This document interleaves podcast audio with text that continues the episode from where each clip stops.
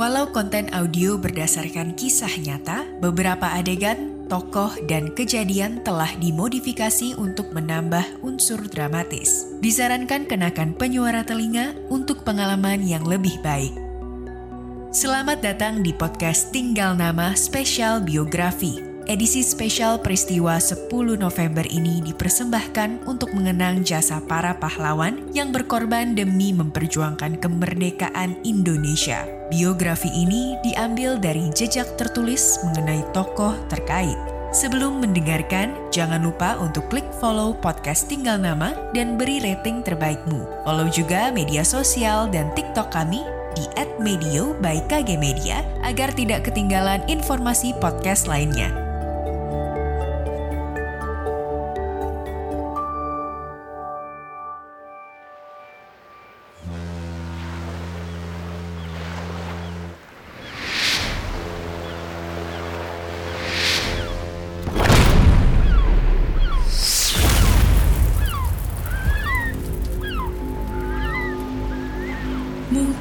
Ciri khas bagi Yosafat Sudarso atau yang biasa disapa Yos untuk selalu mempersiapkan segalanya termasuk kematiannya.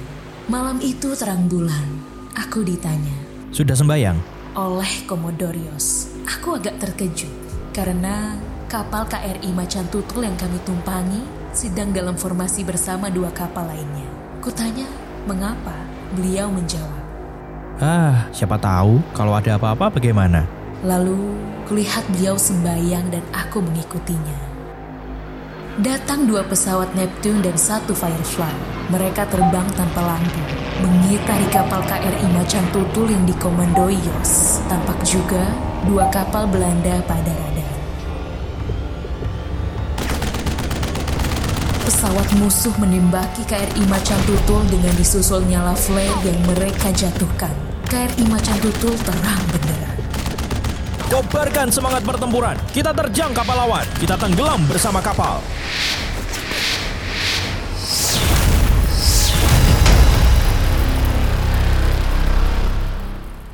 Demikian keterangan Letnan Suprapto.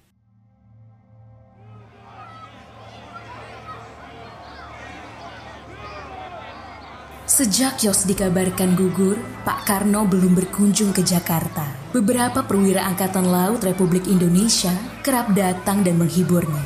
Bingkisan juga alamat ditinggalkan. Namun, Pak Karno pantang berharap balas jasa. Sekali waktu, Sudargo adik Yos pulang main. Haus sekali. Dia melihat ada kelapa muda. Kata ibunya, jangan dibuka. Kelapa itu milik kakakmu. Begitu ibunya pergi, kelapa itu dibelahnya juga dan diminum sampai habis. Yos marah. Dia tak mau bicara dengan adiknya lama sekali. Namun, ketika ada kemenakan bermain curang kepada adiknya, Yos turun tangan. Hampir terjadi perkelahian dengan senjata tajam bila tak cepat dilerai Pak Karno. Proklamasi Kami Bangsa Indonesia Ketika revolusi Dengan- kemerdekaan pecah, Yos masuk Badan Keamanan Rakyat BKR Laut. Yos ditugaskan ke Maluku. Sebelum bergerilya, dia berkata, Sepanjang masa ada satu unsur yang tidak berubah. Alat-alat tidak berperang. Manusia di belakangnya lah. Teman-temannya tidak mengetahui kebenaran di balik kata-katanya. Namun, dikala pertempuran berlangsung, Yos selalu berada di depan. Pertempuran pertama meledak di dekat Pulau Buru. Yos dan teman-temannya berhasil lolos. Namun, terkepung di dekat Pulau Serap. Mereka ditahan. Dari balik jeruji besi, Yos menikmati alam kota Ambon. Meskipun tubuhnya terkungkung, bukan berarti jiwa dan mimpi-mimpinya tidak merdeka. Itu sebabnya Yos amat tertarik ketika Presiden Soekarno berseru di depannya. Manusia adalah insan kombatan pejuang. Pejuang menurut Yos bukan sekadar angkat senjata, melainkan dalam arti rohani juga. Berani melawan kemunafikan, menolak tunduk pada ketidakadilan. Tentu juga selalu memiliki harapan. Dunia ini hanya untuk orang yang kuat. Tulis Yos di tahun 1952 pada belakang fotonya ketika hendak berangkat ke Belanda. Kuat bukan berarti semena-mena. Justru sebaliknya, mampu melindungi yang lemah menjadi kepanjangan tangan Tuhan.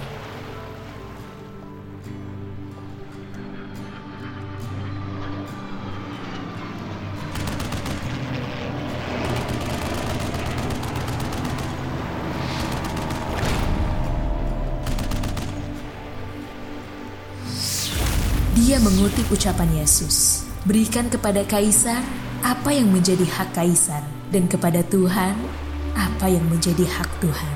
Dalam kisahnya, pengorbanan diri Yosudarso bersama KRI Macan Tutu menjadi pemberian terakhirnya bagi negara. Sementara laut menjadi penghubung Yosudarso dengan Tuhan.